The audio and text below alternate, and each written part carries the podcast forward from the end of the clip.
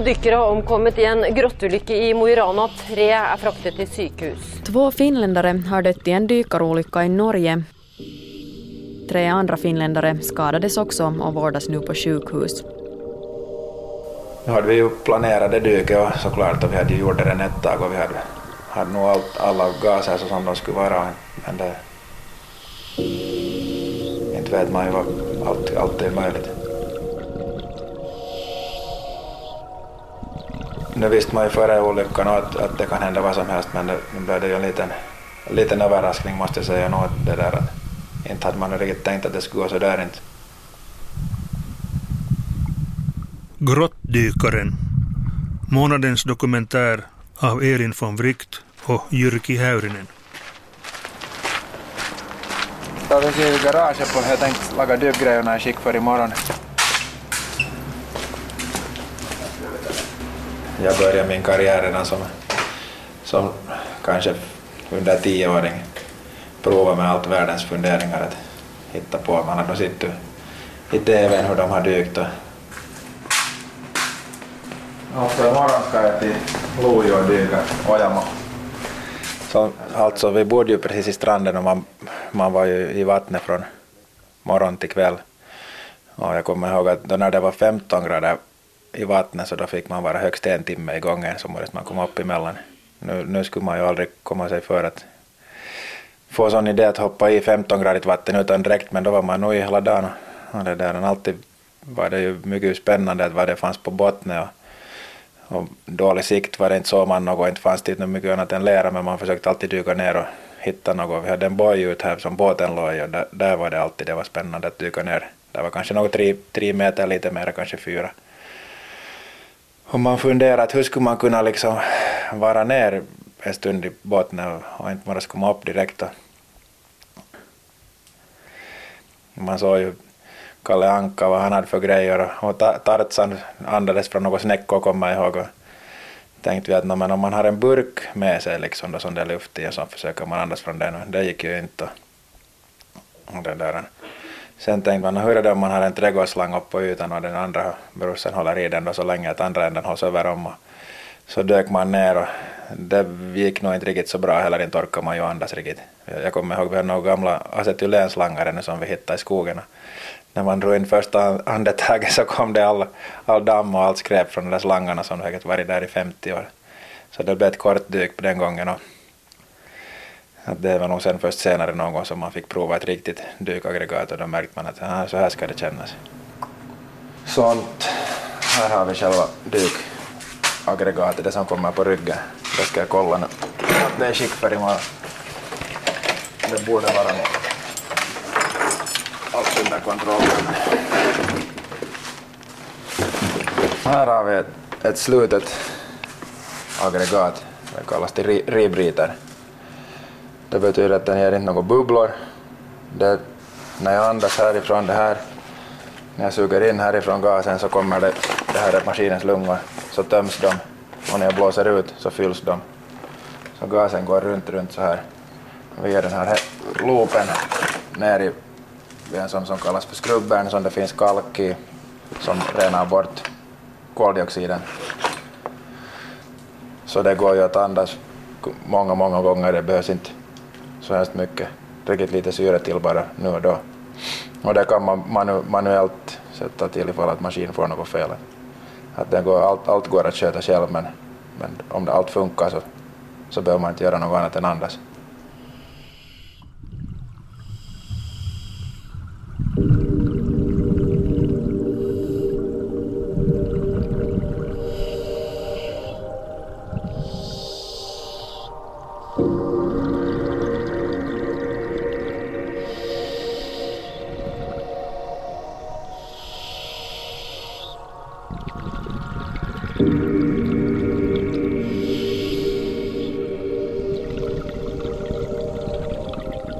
När du dyker lite djupare så får du adrenalinkick.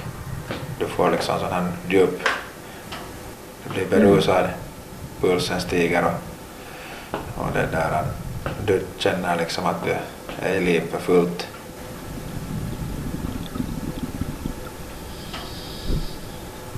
Att om du nu sitter på sofflocket så så vet man nu inte riktigt att det är det någon vits att sitta här alls. Men om man gör något där så då märker du att nu är man nog i liv åtminstone. Och du har full, full kontroll över, över situationen. Det är det som är, om det, om det lite, det är liksom skillnaden är hårfin mellan en mycket fin upplevelse och en, dålig upplevelse. Det behöver inte gå mycket dåligt ens. Om det är något, något smått vad som helst, du har problem med dräkten eller masken läcker eller något, något sånt, något går sönder. Så det förstör liksom det där dyket nästan helt och hållet. Fast det annars skulle vara riktigt fint runt omkring. Men om allt funkar perfekt så då känner du dig som du skulle vara kungen i grottan. Du behärskar det perfekt och du vet att ingen annan klarar av det. Möjligtvis.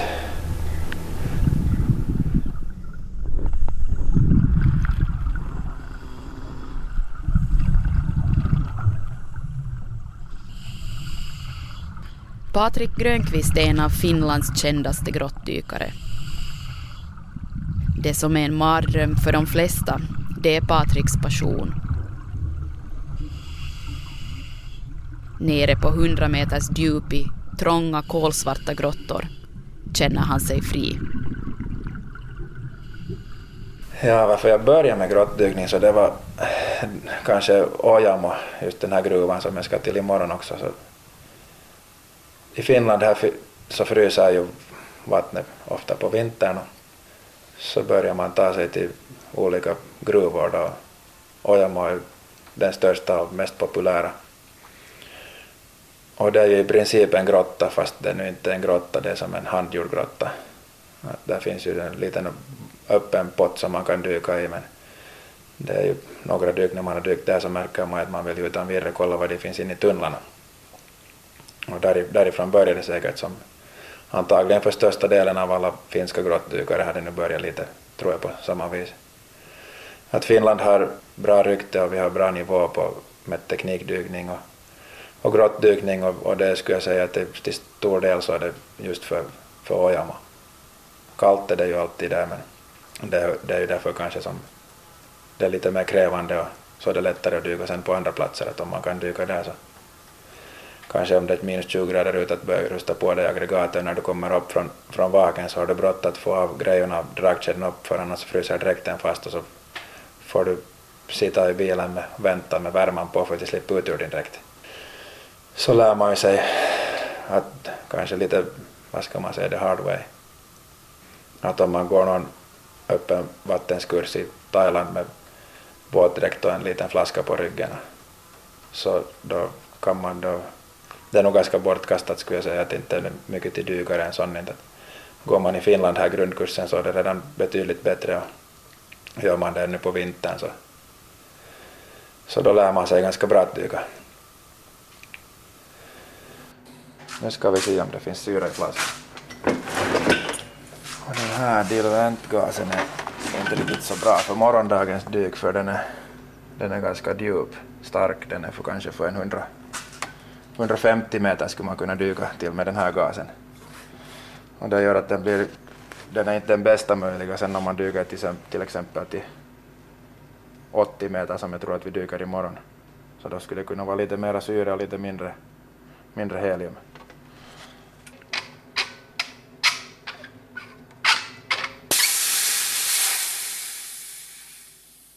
grottorna är liksom, vad ska man säga, jordens egna dräneringssystem. Det är undervattensfloder, floder, åar, vad man ska kalla det till. Och då dyker man in i en sån och oftast är det, det är sötvatten som det handlar om då och ofta är de hemskt klara. Åtminstone det finns ju av alla sorter men jag tycker om klara grottor mera. Det är lugnt på det viset, det är ingen sjögång på ytan och det kan ju vara ström såklart men det de flesta är ganska lugna. Floridas grottor är det ganska hög ström i, så där är det lite extremare på det viset igen. Men, men det är som helt vanlig dykning, dykning i en tunnel. Om någonting händer, som du dyker nu, ett direkt uppstigningsdyk i en sjö, det vill säga att du har inte något dekompressationsstopp som du måste göra så då kan du gå upp från 30 meter i princip på tre minuter enligt boken, men om händer det något riktigt att det inte går att andas så nu kan du komma upp lite ifrån på en minut. Inte tror att det händer något värre. kanske man hamnar i tryckkammare eller något sånt men det är ju inte hela världen. Men om du är inne i en grotta så då kan du inte gå upp rakt utan du måste komma ut den vägen som du har kommit. Det är nu dessutom liksom största, största skillnaden kanske. Det måste vara planerat alltid på det viset att vad som än händer så kommer du ut ifrån.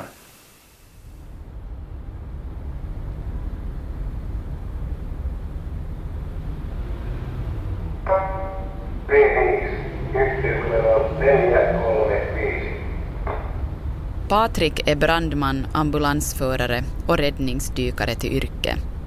Han är stationerad i Helsingfors. Här är brandbilen. Släckning. Det där. Det finns en station i Helsingfors som det finns dykare på, vattendykare. Det är skillnaden. Och det är den här bilen som de sitter. Så. Och det här är, det här är min plats idag. Äh, i bilen, det betyder att jag är rökdykare och vattendykare. Jag har mina vattendykgrejor där framför mig och aggregatet finns där i sidoluckan och här i mitt ryggstöd finns ett rökdykningsaggregat som man kan klä på på vägen när man kör iväg. Att när det kommer larm så drar man, hoppar i stövlarna, drar upp halarna, kastar rocken på och sen resten sköter man på vägen. Det här är i princip en helt vanlig, det som kallas till brandbil, men här finns dyk, dykargrejer i den som det inte finns i, vanliga brandbilar. Hälytysilmoitus B3 sekä yksikö 21 Kristianinkatu 5. Vi har ingen skild dykarbil så alla, det kan vara vad som helst, hälsovårda, trafikolycka, lyfta upp någon som har fallit omkull, ambulansgrej, vi har samma ambulansutrustning i, den, i alla brandbilar som i ambulanserna, att alla ambulanser är upptagna så skickar de närmaste brandbil. Så det kan vara precis vad som helst. Riktigt vad som helst. En katt i ett trä. Eh, Hemskt ofta är det några fåglar som har fått något sjukt i benet eller något liknande, inte vet jag vad de kan ha, maginfluensa eller något liknande, så ska vi söka dem och plåstra om dem och föra dem till smådjurskliniken vid behov eller sen kanske till smådjurshimlen hamnar de ibland.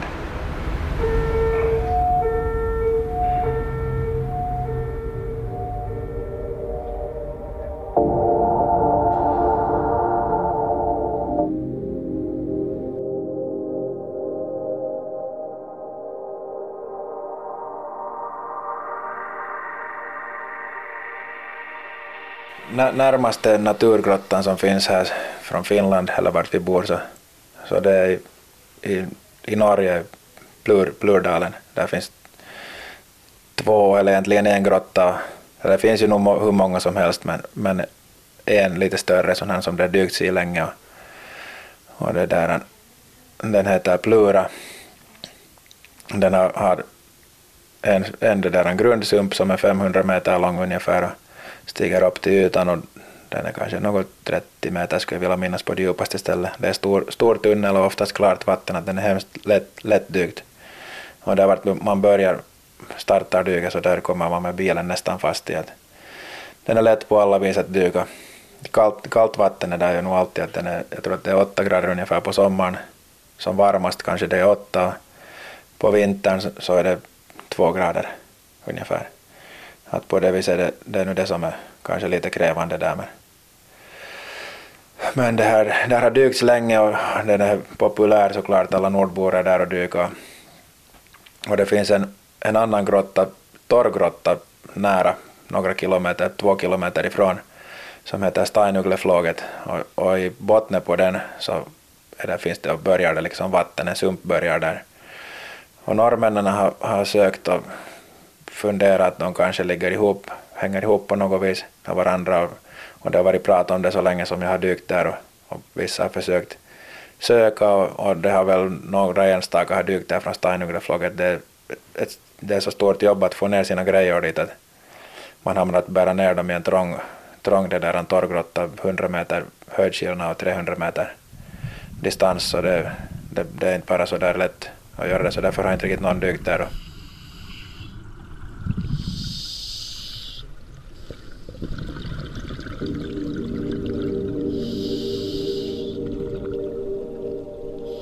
Och sen vid något skede så bestämde vi oss att vi skulle kika att slippa man igenom det. här. vi tog en, en veckas expedition som vi planerade med några kompisar. Så får vi dit och, och först dök vi från Pluras sida, Plurdalen, och så långt som vi vågade, vågade dyka in. Och, och jag tror att vi var det 135 meter som var det djupaste som vi kom till och, och det började lite sen gå uppåt tillbaka så det, var bara, det blev för långt sen dyk att vi måste svänga när vi skulle ut samma väg för att vi visste redan att det kommer att bli närmare 10 timmars dyk allt som allt av det redan så skulle det ha varit kanske 6 grader i vattnet, det var inte riktigt kallt inte, det var ändå lite, lite värme. Och sen så bar vi alla våra grejer, sen ska de med en linbana över en sån här krater upp på fjället. Och en flaska i taget, allt ska dras över. Och sen så ska man klonta ner dem i, i en trång gång ner till, till vattenytan. Och, och där är, i början är det så trångt att med en, med en ryggsäck eller ett ryggaggregat på ryggen så kommer du inte fram att allt måste skickas liksom framför en eller släpas efter och att det tar länge.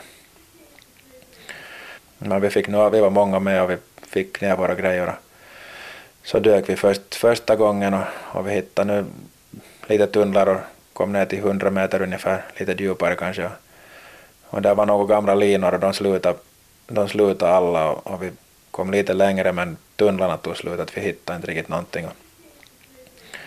På vägen upp så då, då så tyckte jag mig se ett hål i väggen där, eller hur ska man nu förklara med en möjlig sidotunnel. Och efter dyket sen så sa jag åt kompisarna då att jag tyckte jag såg någonting där och de hade nog lite sitt men de tänkte att det är nog kanske inte något. Vi funderade ändå att kanske vi nästa dag provar då att vi delade upp oss i två grupper, för vi var så många att det var små tunnlar så det, det blev för många, jag tror att vi var fem stycken då så, så två stycken, jag och en kompis dök lite djupare och sen blev det tre stycken som blev de här grundare, tunnlarna och utforskade dem.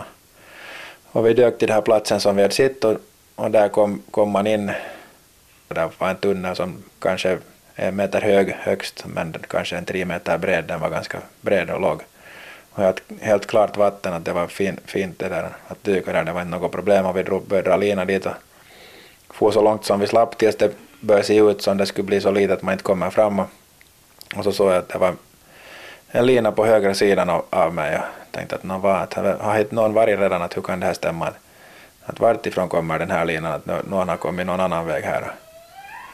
Sen så såg jag att det var vår, mitt eget kex som var där sån som man lämnar på, på linan så man märker den. Och så började det sakta liksom tända att va, ja, det är den som vi drog här för några dagar sedan. Att, så hade vi hittat genomgång och så knöt vi ihop linorna och dök upp tillbaks på samma väg såklart och berättade åt de andra att, att vi har hittat linan från, från Plura-sidan och, och nästa dag så dök vi igenom det.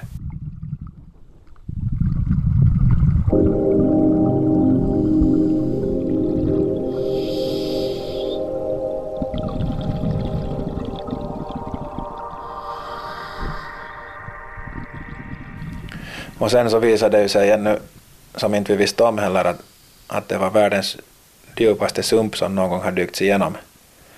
Det finns ju mycket djupare sumpar, men de har aldrig någon dykt igenom, att de har man dykt ner till bara till djupare, så svängt om och kommit samma väg tillbaks.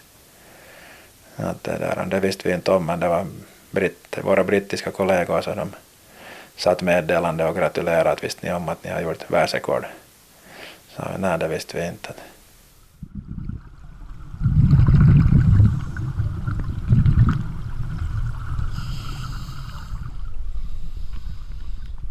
Så det blev ju nog mycket ljud i tunneln när vi hittade den och hipp hipp hurra. Och sen såklart när man dök igenom det var det ju roligt när man visste att, att ingen aldrig har, har gjort det och särskilt de här normerna som nu alltid låtsas vara lite viktiga med sin grotta och på sig som har försökt i tio år hitta det och det har inte blivit till något så så att vi såklart meddelade att de att om de undrar att om, det, om den går att dyka igenom så den går nog bra och vi kan skicka ritning åt dem så kan de se på det för de kommer inte att slippa dit ändå aldrig.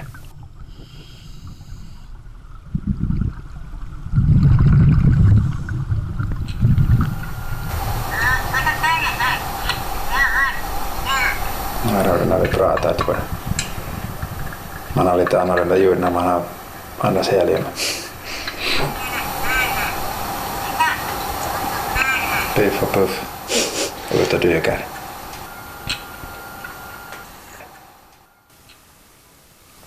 Men vad är det som är så häftigt med grottor? Äh, inte, det är svårt. svårt. Det alltid frågar någon det där. Det, man måste nästan själv prova på det. Det som för min del, som jag försöker, så det är att komma till sådana platser som ingen har varit på förut.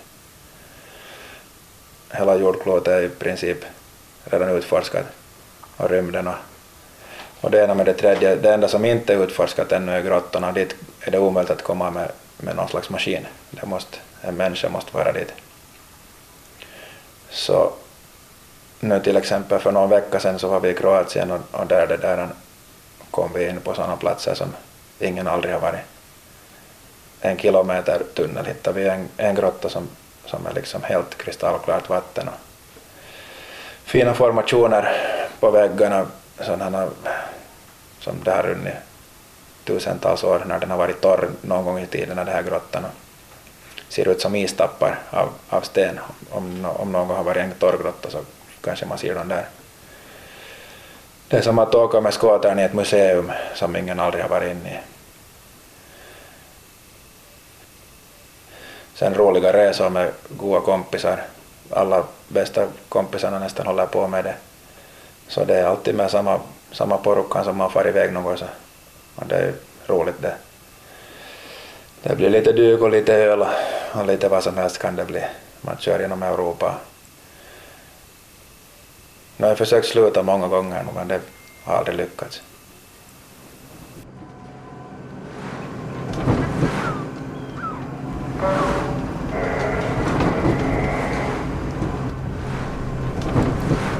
Det är en blåsig höstdag.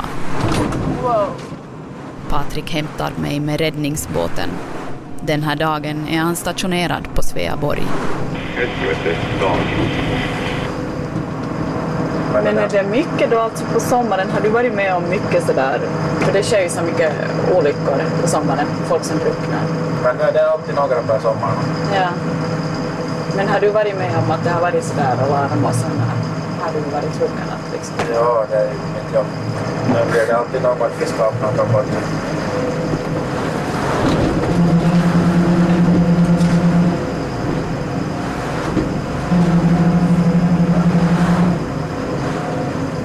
Om du frågar om Norge så det var lite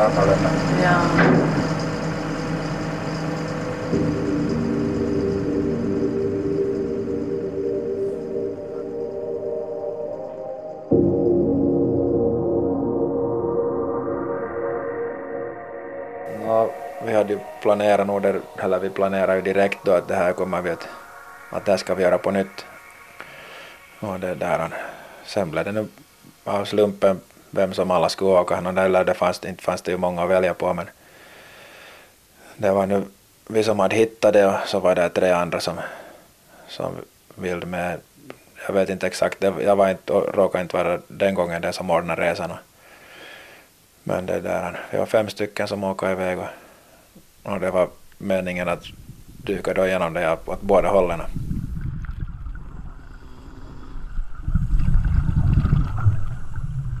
Jag var i det första teamet med, vi var två och min kompis fick problem, något slags problem.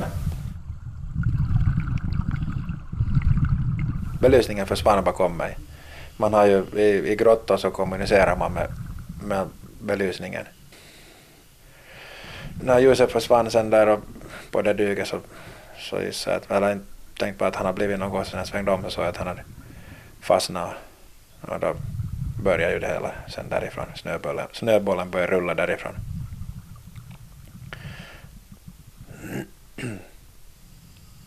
Det sista var att han fastnade fast och inte slapp kom framåt. Och antagligen koldioxid eller någonting. Det kan ju ha varit sjukdomsattack.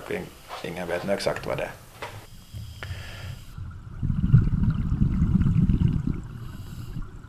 Jag fick inte loss honom och han, han det här. Det tog 20 minuter var vi ungefär där som vi försökte på alla möjliga olika saker prova på. Ingenting riktigt hjälpte. Men han blev fastnad och, och honom, han till slut drunknade. han. Jag förstod inte riktigt att det var att han var, hur det hyllade var förrän det var hänt sen. Sista minuterna förstod man ju nog men då var det för sent. Han blev där och jag fortsatte då enligt planerna men det blev ju stoppen blev ju helt annat än enligt planerna. Att det blev väl, skulle det blivit, jag kommer inte ihåg, nio timmar kanske dyket totalt. Närmare nio och vi hade ju räknat med att det skulle gå högst fem timmar till det. Så allt tog slut sen, belysning och, och värme och, och det där gaserna räckte nog till men det började komma, just där koldioxid började komma igenom ganska ordentligt sen att man vid sista stoppet man märkte att det började vara aggregatet ganska slut. Och sen när jag kom upp till ytan i varje fall inte var det något värre fel med det inte.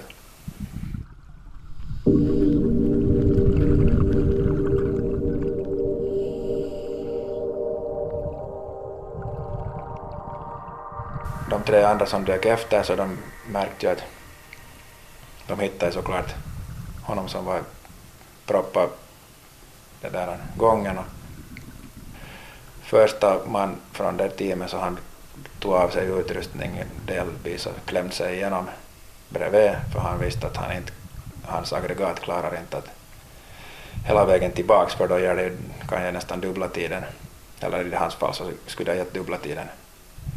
Och sen efter att han kom upp så han fick dyka sjuka för han kom upp lite för, för snabbt så han hamnade och skippade lite av sina stopp.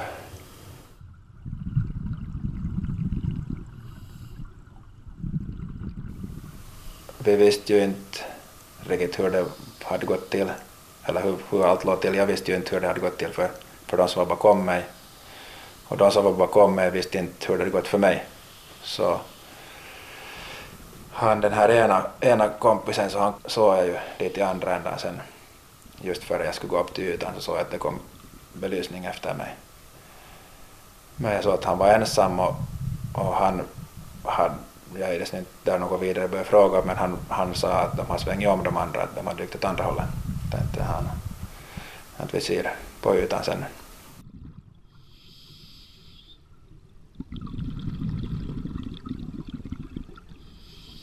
Han som var andra i ledet så han, han dog där på plats.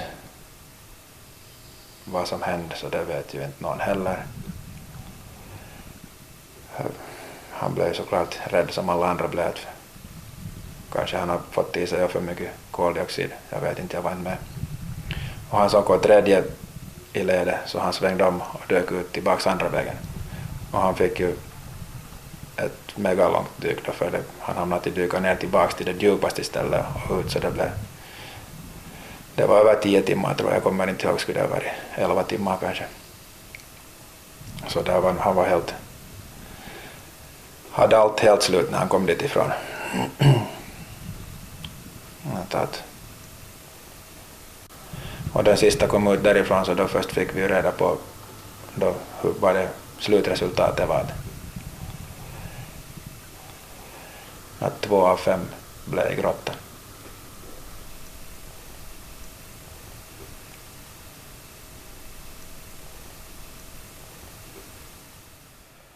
Jag klarade mig riktigt bra. I princip hade jag inte något fel, inte, åtminstone inte något fysiska fel. Nu var man ju lite knäckt nu inte var det ju. Det var ju helt klart sämsta dyget som man någon gång har gjort. Att man bestämde att man aldrig kommer att vara med om något liknande flera gånger. Och funderade nog vid något skede till och med att lönar det sig alls att dyka mer.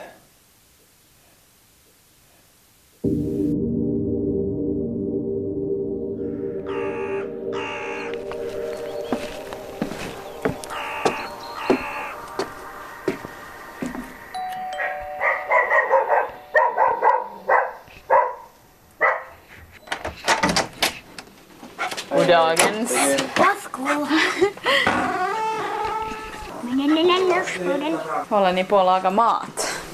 Du ska jobba nu. Vilma! Kommer du att söka hund? Palla på gång.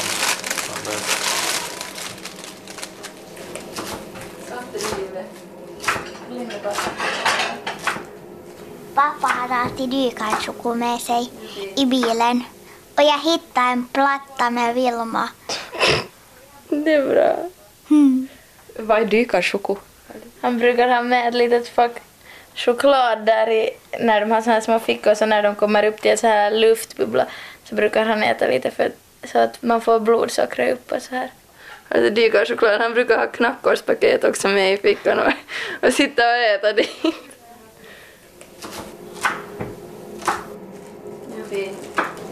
Nu börjar salladen vara nästan färdig, jag ska bara ha osten. Vart månne mina hjälpredare försvann? Linda! Och Vilma, kom hit nu! Och sätt hunden dit någon fast i hjälpköket. Nej men jag vet inte hur gammal jag var, jag var kanske som... som Patrik har tre döttrar. Frida, 13 Vilma och Linda. Då tyckte pappa att det var bra idé att vi skulle också börja dyka. Så då liksom, då var det på med utrustningen och i sjön med oss. Men inte verkar nu någon av oss ju så jätte- mycket om det så inte blev det något vidare av det. Till pappas stora besvikelse så var ingen del av oss här extremt intresserade att ha huvudet längre tid under ytan så, så vad heter det nu så, så blev det slut där. Men vi har båda två fått sån där Licens. licens. Vill du också sen ta? Nej, jag tycker mer om att bara dyka utan några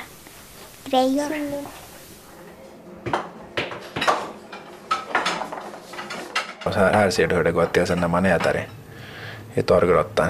Här har de med en sån här jetboil som man tänder på kokar vatten. Vatten finns ju alltid, det går att dricka bra det här vattnet. Sen häller man det i sådana påsar som man har då i, i någon torrtub här med och så äter man. Det här är det där inne i, Norge i Pluragrottan, 500 meter in i, in i grottan och i en torrgrotta så har de det här picknick som du ser här är bord med, med blommor på. Där steker de biffar i stekpannan och, och allt har de hämtat liksom dykt i en sån här tub hämtat in och de här trädgårdsstolarna så de hade de på släp efter i ett band och, och så vidare. Vad skulle ni säga? Ni skulle nog beskriva pappa. Att han är stark för baxan. När vi var i dagis så sa han att när, när det var kommit någon liten pojke som började mopsa upp sig mot honom så sa han att nu ska du vara aktiv för det Lindas pappa kommer att kasta dig till Kina. Ja. ja. Nå jo, envis men en äh, rolig och snäll. Men jag är ju så här lite, hur ska man förklara så här finurlig? Finurlig, väldigt finurlig. Men han är rättvis tycker jag också. Ja. Väldigt rättvis. Vad tycker ni om er pappas hobby grottdykning då? Det är nu säkert roligt för honom verkar det som men att jag skulle nog personligen inte själv tycka om det. Det skulle vara, jag tycker det är för farligt för mig, jag skulle inte våga.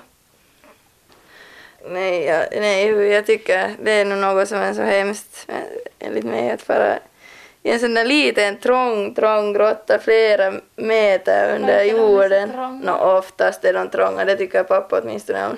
Ju trängre och svårare så desto roligare tycker han att det är. Så det är helt mörkt och sen så när man nu är lite fast i alla de där grejerna, man har så mycket utrustning att jag vet inte, den tycker jag inte alls om något sånt. Jag håller mig hellre på ytan.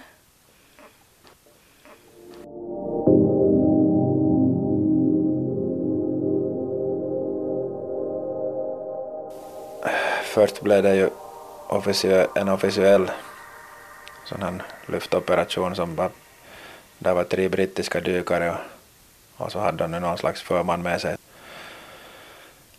Och dykarna vet jag att de, var, de är det där mycket duktiga dykare och mera, de, hade, de är mer erfarna än vi och, och riktigt säkert nog har gjort mer krävande dyk.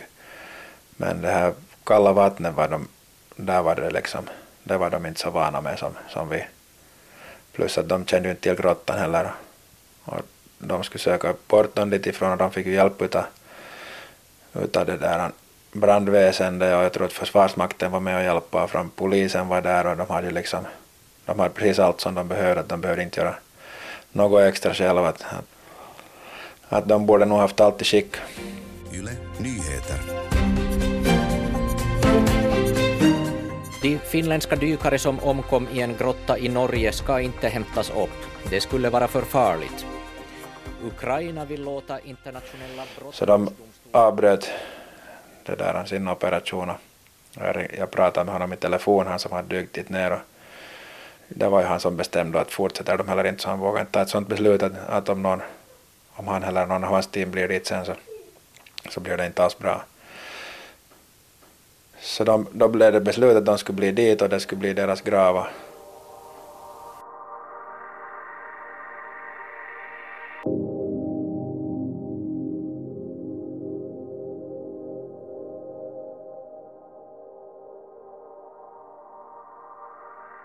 Det var helt klart från början för mig och säkert för många andra att, att, de in, att dit blir de inte, att det, de söks dit ifrån på sätt eller annat, att det får kosta vad det vill. Började planera lite här att när vi skulle fara, alla, alla ställde ju upp som jag frågade och, och alla var ju, många andra var liksom lite på väg också och gissade att någon skulle fara så de började fråga att vet ni om de är på väg och det var ju, höll ju det hemlighet så vi sa att, vi ska, att inte ska någon fara dit, att de får bli det. För att mest rädd var man att poliserna skulle vara emot där när vi kommer dit och, och det där stoppa oss. Så vi höll nu, var det nu en månad senare, två månader senare kanske, när det hade lugnat sig så då, då det där åker vi dit och,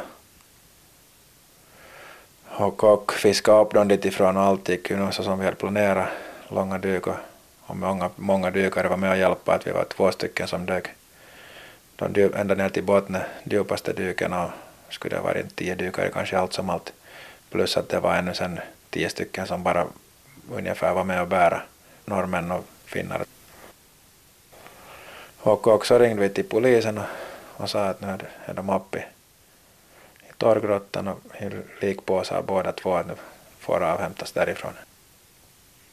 Bilarna var packade med all dykutrustning och på väg mot Finland före det att, att inte de skulle ta grejerna av oss, fängsla oss. Ett finskt dykarteam har hämtat upp de omkomna finländska dykarna från Pluragrottan i Mo i Rana i Norge. Det här bekräftar norsk polis för norska medier. Enligt polisen bröt dykarteamet mot dykförbudet i grottan för att hämta upp de två omkomna dykarna. Dykarna omkom... Böter hade vi räknat med att det kommer nästan säkert men det kom det sen aldrig. Att det gick bra på det viset och alla var nöjda, polisen var nöjda. Och såklart Torsten gårdsägaren var ju hemskt nöjd för han inte vill ju någon ha sin egen bakgård som en gravgård. Såklart de egna var ju nöjda att få hem sina och, och att det var ju sen igen en lyckad resa. Det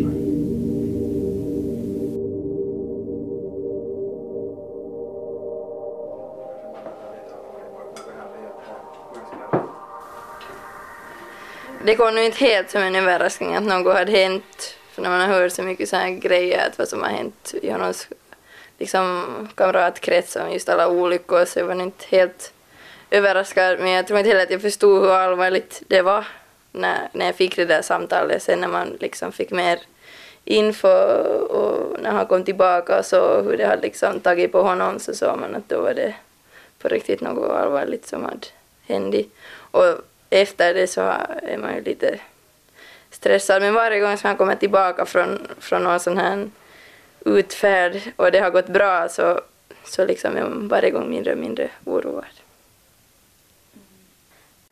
Ja, lite rädd måste man ju alltid vara. Det är ju det som, man, det som det går ut på. Då när man bästa dykerna så är man lite rädd på. För då vet man att det gäller till att hålla sig på helspänn.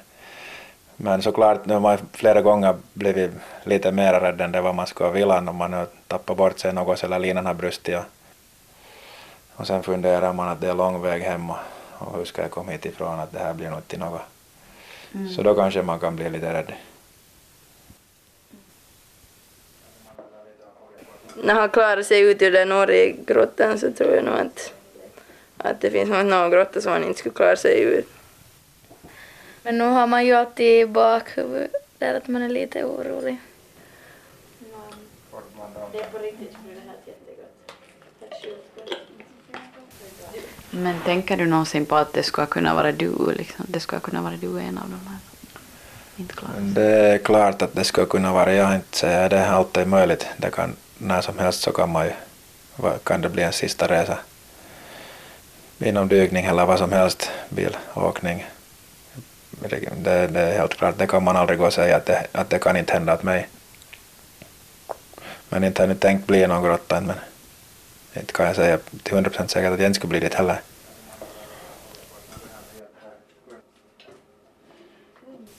Hur ofta tänker du på den här olyckan och sådär? Är det någonting som du tänker du varje dag eller hur, ofta?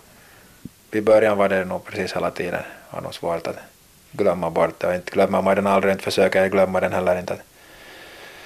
Att det är ju som en, en bra påminnelse nog alltid då när om man lite bör skena i vägen kanske för djupt eller något så kan man fundera att, att det kan ju alltid vara bra att planera lite bättre och så här vidare bortåt.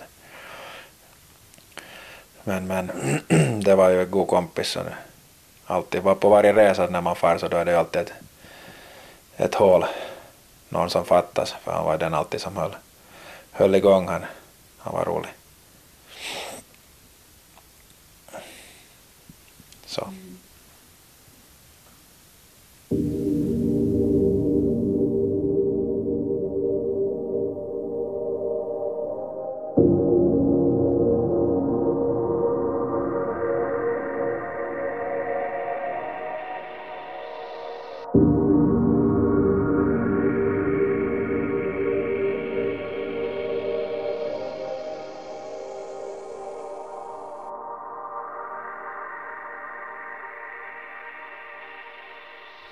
Du har lyssnat på månadens dokumentär om grottdykaren Patrik Grönqvist.